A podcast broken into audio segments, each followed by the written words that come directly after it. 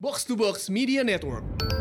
Halo gua Randi, selamat datang di podcast Jakarta Itu Kasih Sayang. Sebuah program podcast harian dari Retropus di bulan Ramadan yang bertujuan untuk membuat gue tetap waras selama masa karantina di Jakarta.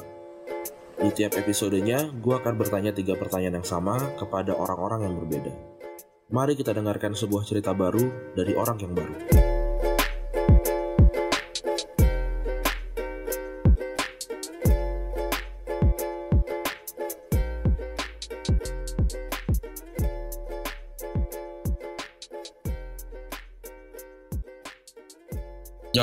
Sayang episode ke-27 Du- Berarti sudah 27 orang termasuk orang yang satu ini akan bercerita Berdua sepertinya em, Kali ini.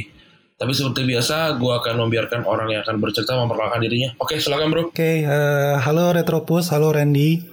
Eh, perkenalkan nama gue Doni. Eh, gue adalah seorang bapak dengan tiga anak. Dan eh, gue saat ini berdomisili di Amerika, eh, tepatnya di Virginia, eh, dengan status sebagai pelajar. Nah, gue nggak sendiri sekarang. Gue di sebelah gue ada eh, istri gue. Biar istri gue sendiri langsung kenalin diri sendiri ya. Hai, Eh, nama gue Dian. Eh, udah berapa tahun kita di sini? Empat tahun. Masuk tahun keempat. Nemenin Doni di sini di negeri antah berantah jauh dari Jakarta. Eh, ya, senang banget bisa join eh, Randy ikut ngomong-ngomong gak tahu gue mau ngomong apa. Eh, ya, gitu dulu kali Ren perkenalannya Ren. Iya ya oke Ya em, ke- apa nih ceritanya mau lo bawa ke episode kali ini eh gue cuma pengen cerita tentang gimana gue empat tahun selama di Amerika sih. Ya, di sini kan status gue sebagai pelajar, sebagai student. eh, jenjang pendidikannya adalah S3 eh, dan gue udah masuk tahun keempat gue di Amerika eh, sebagai eh, mahasiswa S3 di sini. Eh, program yang gue ambil tuh program economics. Eh, mungkin buat beberapa orang, eh, buat buat buat buat sebagian orang eh, program ini juga program yang menurut eh, beberapa orang juga nggak gampang ya. Jadi yang cukup challenging. Jadi yang mau gue ceritain adalah gimana gue eh, pengalaman-pengalaman suka duka selama gue di sini dengan ko- dengan bawa keluarga dan gue bisa me- gimana gue bisa membalas antara beban di kampus sama sama di rumah. Nah yang mau gue ceritain adalah sebenarnya dari Oke.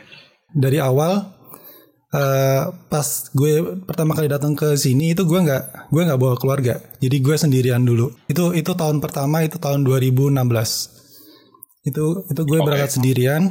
Sebenarnya ada dua alasannya sih.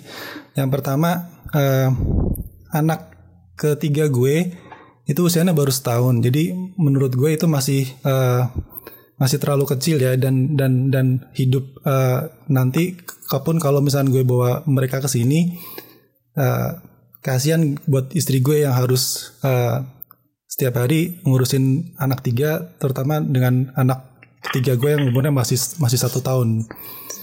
Nah, Iya iya. Terus eh, alasan kedua adalah di tahun pertama itu kalau buat eh, program studi economics ini adalah ta- tahun yang bisa dibilang tahun yang paling berat. Jadi eh, di tahun di tahun pertama itu gue harus ngambil empat mata kuliah setiap semesternya. Dan tiap mata kuliah ada ujian, ada PR, ada tugas dan ada eh, eh, sesi diskusi dan lain-lain. Dan di akhir tahun pertama itu, eh, kalau untuk program studi economics itu kalau di US ada yang namanya eh, core exam.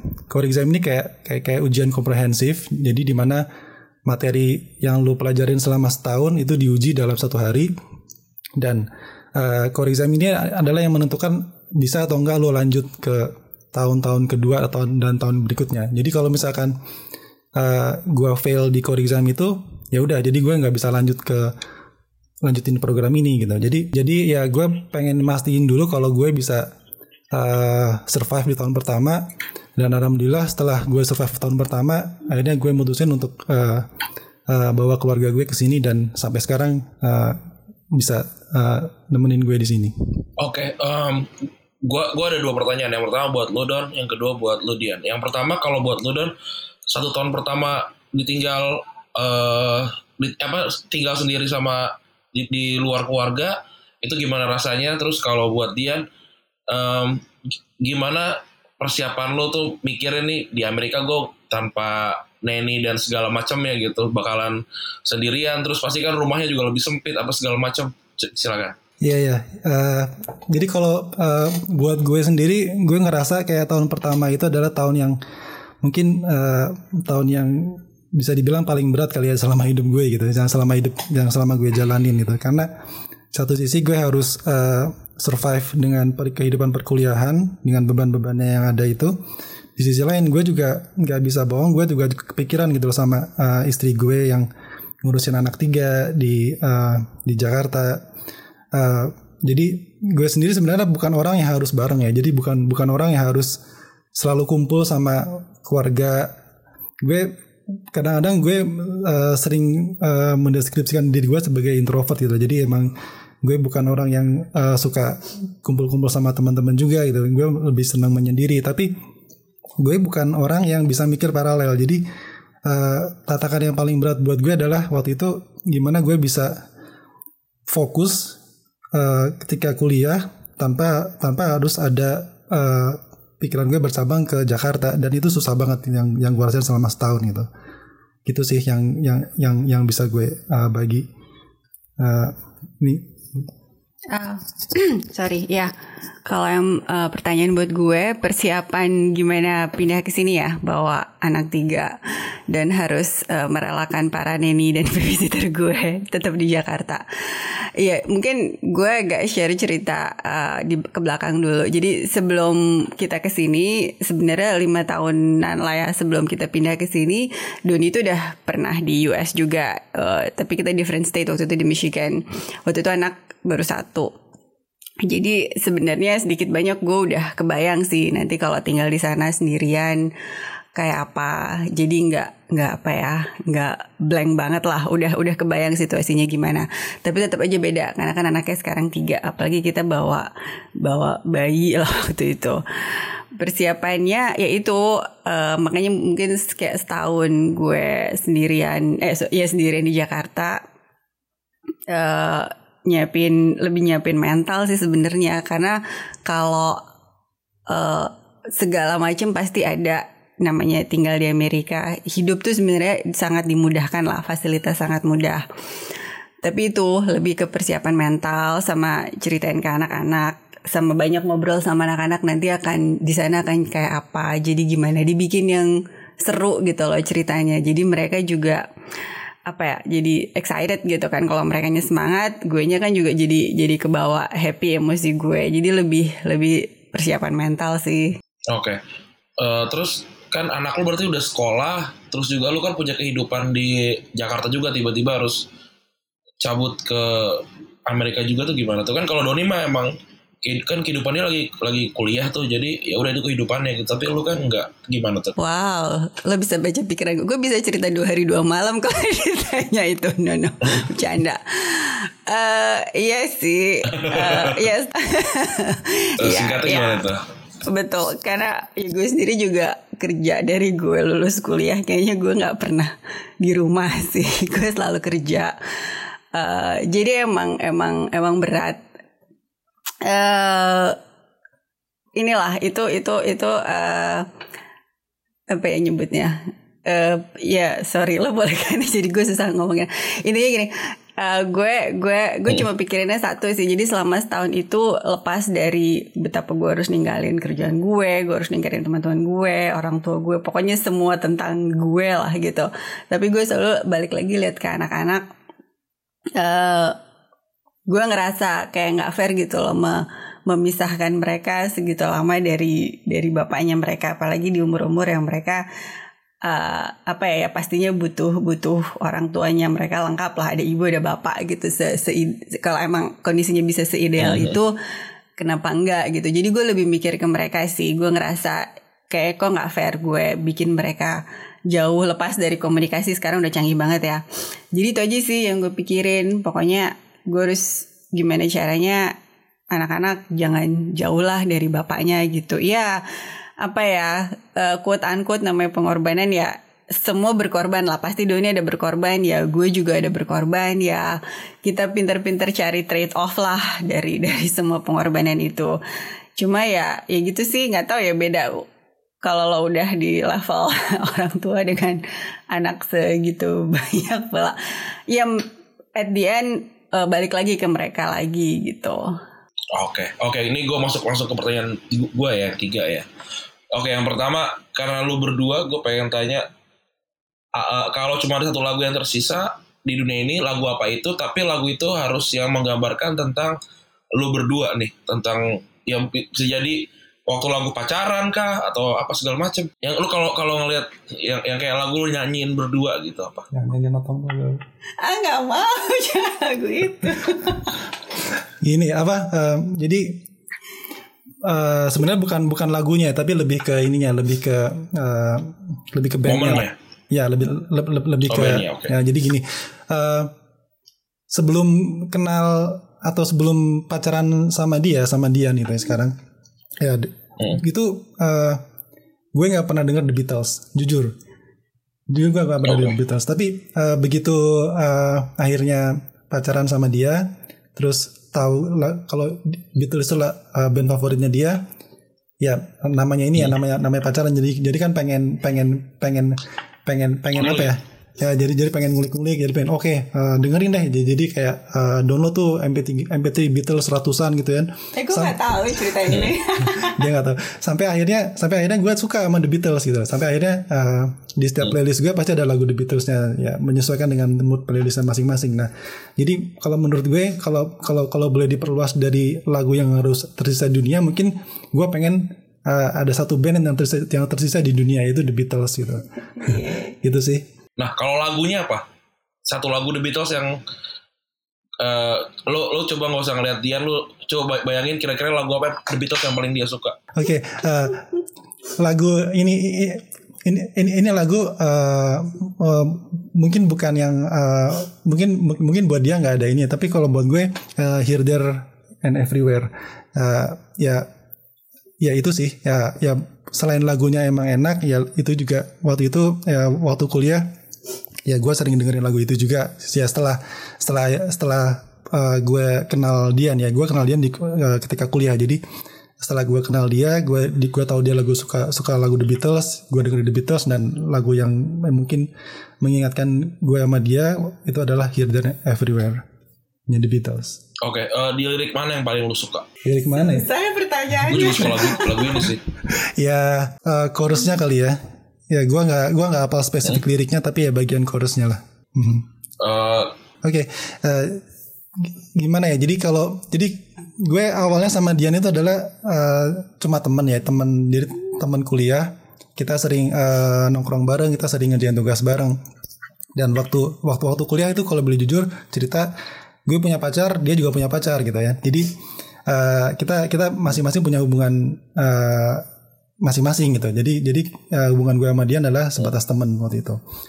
Eh, cuma yang yang eh, yang selalu yang akhirnya yang akhirnya lagu bikin lagu itu eh, mengingatkan gue sama dia adalah ketika ketika kita lulus kuliah eh, kita ya eh, saya to say kita eh, masing-masing bubaran sama pacar masing-masing terus eh, ketika gue dengerin lagu itu ya gue ujung ing- ingat ingat ing- ingat lagi ke Dian gitu. Karena eh, eh, ya Dian adalah teman gue kuliah dan kita lumayan dekat waktu kuliah. Kita kita bisa dibilang kita sering cerita cerita cerita kita sering eh, eh, kita sering ya eh, cerita sama satu sama lain kita sering curhat juga gitu. Jadi ya walaupun waktu itu statusnya kita nggak bisa kita punya punya pacar masing-masing tapi eh, setiap dengar lagu itu kayak ya gue Dian selalu ada eh, buat gue jadi ya here there and everywhere gitu Oke, oke. Ini pertanyaan kedua berarti gue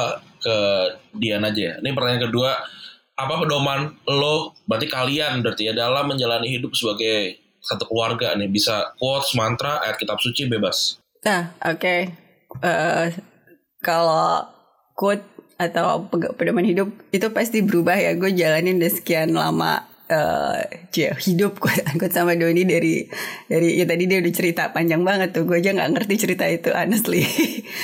uh, berubah-berubah sih prinsip prinsip hidupnya apalagi bergantung dengan pengalaman yang baru kita lewatin apa ya mungkin kalau lo tanyanya saat ini banget buat gue gimana gue ke keluarga kita ke Doni ke anak-anak eh apa ya satu keluarga tuh nomor satu jadi mau gimana pun lo uh, apa namanya di luar sana lo punya hidup lo sendiri uh, uh, tanggung jawab lo sendiri di luar sana tapi biar gimana pun keluarga itu satu lo harus selalu balik ke rumah gitu prioritas pertama lo adalah keluarga itu yang gue tanamin ke anak-anak juga gitu lo harus saling uh, bantu uh, kakak adik lo uh, nomor satu tetap mereka ya of course orang tua ya uh, itu. Terus jadi nomor satu keluarga. Always go back to your own family. Terus uh, prinsip kedua ini yang coba gue share juga ke anak-anak gue. Kalau lo tuh hidup nggak buat lo sendiri gitu loh. Jadi lo apa ya kalau bahasa kerennya anak-anak sekarang lo exist di di di dunia di dunia ini lo hidup tuh nggak cuma buat lo sendiri lo mem, mem, memiliki kehidupan lo sendiri me, apalah menjadi yang terbaik buat diri lo, memperkaya diri lo sendiri. No, sebenarnya apa pun yang lo dititipin sama yang di atas ya entah bakat lo, ilmu lo, apa pun itu sebenarnya itu buat lo extend ke kebaikan buat memperbaiki kehidupan yang lain gitu loh. Jadi gue selalu pesan sama anak-anak you guys mau jadi apa terserah. Tapi kalau bisa sih uh, apa pun itu nanti bisa cita-cita lah ya kita ngomong uh, kalau bisa itu bisa itu jadi satu uh, cita-cita yang bisa juga bantu orang lain atau bantu kehidupan uh, yang lain kebaikan kehidupan yang lain itu sih. Oke oke oke pertanyaan terakhir um, apa yang paling berubah dalam hidup kalian semenjak pandemi ini terjadi?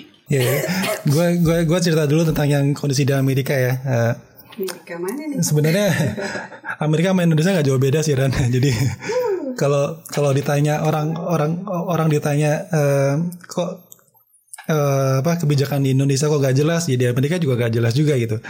Bahkan kalau kita cerita kalau kalau gue cerita sama uh, dosen-dosen gue itu yang orang Amerika mereka juga ditanya strateginya apa sih Amerika mereka what what what strategy? Mereka kayak bingung gitu strategi pemerintah Amerika Amerika tuh apa gitu ya. Jadi kayak maunya tuh ngapain tuh nggak jelas gitu loh. Dan kalau ya, kalau di sini ya di di di kota tempat gue uh, tinggal karena kebetulan ini kota kecil jadi emang Eh, hari-hari uh, biasa pun sebelum ada kayak pandemi ini juga nggak terlalu rame. Jadi artinya rame kalau pas jam-jam sibuk aja kalau pas uh, jam ya jam 9 pagi ama, atau jam 5 sore ketika orang pergi sama pulang kantor. Tapi di luar itu ya sepi-sepi aja gitu loh. Apalagi kalau sekarang uh, ini udah mau masuk summer, artinya uh, kuliah juga udah sejak bulan Maret udah nggak ada. Jadi udah uh, karena ini kota pelajar di kota-kota mahasiswa, jadi ya mahasiswa udah pada pulang juga. Jadi emang jadi emang sepi aja gitu dan kalau kalau kalau lu pergi ke kayak misalnya ke supermarket ya orang-orang yang orang-orang yang emang yang sadar ya ya pakai masker ya pakai masker tapi banyak juga ya mungkin 50-50 ya orang yang yang ya ya yang yang yang yang lari-lari jalan-jalan tuh nggak pakai masker jadi ya buat buat mereka mungkin ya udah biasa-biasa aja kayak gini-gini gitu. Gitu Tapi sih. kasus Terus, di kota lu ada? Ada ada ada.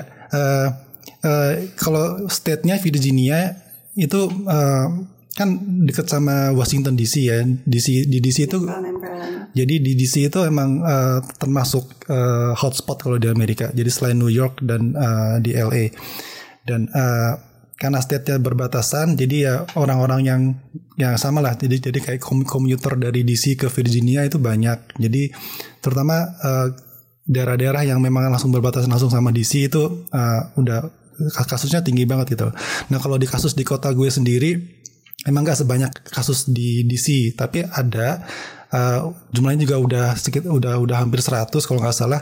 Dan uh, udah ada yang meninggal juga dua orang gitu. Dan uh, kan uh, dengan kota, kota, kota kecil kayak gini gitu ya dengan dengan kasus yang hampir 100 dan udah ada yang meninggal gitu ya, ya kan kalau kalau kalau kalau buat gue khawatir gitu kan tapi ada juga ya, maksudnya orang-orang yang memang kayak uh, minggu-minggu pertama atau minggu kedua lockdown itu mereka masih main basket gitu, main basket telanjang dada gitu juga banyak juga seperti itu gitu. Jadi ya uh, kalau dibilang uh, kondisi gimana sama Indonesia ya mirip-mirip lah. Jadi kalau bisa dibilang ya kayak gitu, mau dari pemerintahnya atau mau dari orang-orangnya ya bisa dibilang sama sih gitu sih Ran. Oke, okay, kalau yang berubah dari hidup kalian? Oke, okay, kalau kalau kalau ini ini ini, ini uh, kalau buat gue ya gue alhamdulillah sih sebenarnya nggak ada nggak ada yang berubah secara signifikan. Jadi ini ini ini, ini juga gue syukuri gitu karena uh, uh, alhamdulillah juga kayak uh, gue beasiswa gue tetap masih tetap tetap masih jalan, tetap masih lancar dan uh, dan tidak ada perubahan tentang itu juga gitu. Cuma yang yang yang beda adalah ya ya ya obviously gue hari-hari gue sekarang di rumah terus dan uh, kadang-kadang dengan dengan ada dengan gue di rumah terus itu juga uh, buat gue gue kayak merasa apa ya jadi kayak uh, lebih lebih unstable kalau kalau kalau kalau kalau gue sendiri gitu jadi uh, secara emosi juga gue lebih unstable dan gue jadi kayak lebih emosional jadi lebih sering marah-marah ke anak-anak terutama gitu ya. Jadi uh, hmm. ya yang yang yang beda itu aja sih kalau dari sisi pribadi gue. Kamu ada kalau lu dia? Ah berubah. Pokoknya gue nggak mau ngomongnya negatif lah. Kita syukurin aja. Tadi yang kayak kata Doni bilang di luar sana banyak banget orang yang hilang kerjaan yang nggak punya penghasilan dan so on kita sih bersyukur banget ya hmm. semua masih aman. Kasarannya kita mau diem tinggal di rumah sekian puluh jam lagi bulan lagi lamanya insya Allah masih aman so. gitu kan gitu. Jadi gue bawa positif aja. Jadi walaupun pastinya challenge ya ketemu sama anak-anak 24 jam 7 hari seminggu. Wow yeah, lah bener. pokoknya. Tapi tapi uh, ya gitu. Kalau lagi seru-seru kalau lagi berantem berantem tapi dibawa seru aja. Paling gue mau cerita ini aja ya yang kejadian sama sekian ribu orang di luar sana sama mama kita kita jadi hobi baking. Hai Doni jadi masuk dapur. Seriously dia dia nggak pernah masak. Dia kayak udah nggak tahu lagi mau ngapain dia masak deh bantuin gue. Terus ya gitu deh kita bikin kue-kue nggak jelas apa pun. Tapi di tahun ini lo berencana untuk pulang pas Ramadan ini nggak? Pas Lebaran ini? Atau emang enggak? Ya rencananya gini. Jadi uh, ya banyak sih banyak banyak rencana yang akhirnya gagal ya. Rencananya justru tahun ini adalah orang orang tua mertua gue yang bakal ke sini yang bakal yang, yang bakal nengok okay. yang bakal nengok anak cucu sini cuma dengan adanya kasus kasus seperti ini akhirnya kita baru kayak beberapa hari yang lalu dapat kabar bahwa airline-nya cancel flight-nya gitu. Jadi as expected lah. Ya, ya, ya, ya itu udah udah bisa diperkirakan ya. Nah, ya itu sih uh, gue sendiri uh, terakhir pulang ke Jakarta itu kalau nggak salah dua tahun yang lalu ya. Jadi emang gue sendiri kangen banget sama Jakarta ya. Jadi kalau emang uh, mungkin mungkin kalau emang bukan orang tua bukan mertua gue yang ke sini dan memang kalau nggak ada pandemi mungkin mungkin ada rencana juga kita bakal pengen pengen ke Jakarta juga gitu tapi tapi gimana ya tapi ya begitu keadaan di sini. Oke deh, Oke deh. Um, terima kasih teman-teman sudah bergabung uh, ke episode kali ini. Semoga juga sehat-sehat terus ya. Um, sehat-sehat terus juga ya, angkanya mengerikan. Sama-sama. Sampai hmm. sampai di satu bikin kuburan di pulau tersendiri gitu kan. iya. Iya, iya. Mengerikan iya, sekali. Iya, um, ngeri banget sih. Sehat-sehat terus. Um, semoga tidak terdampak uh, apa pun dari amin, amin. pandemi ini. Terima amin, kasih teman-teman yang sudah mendengarkan episode kali ini. Um, Thank you. Gue cabut. Bye. Bye. Thank you.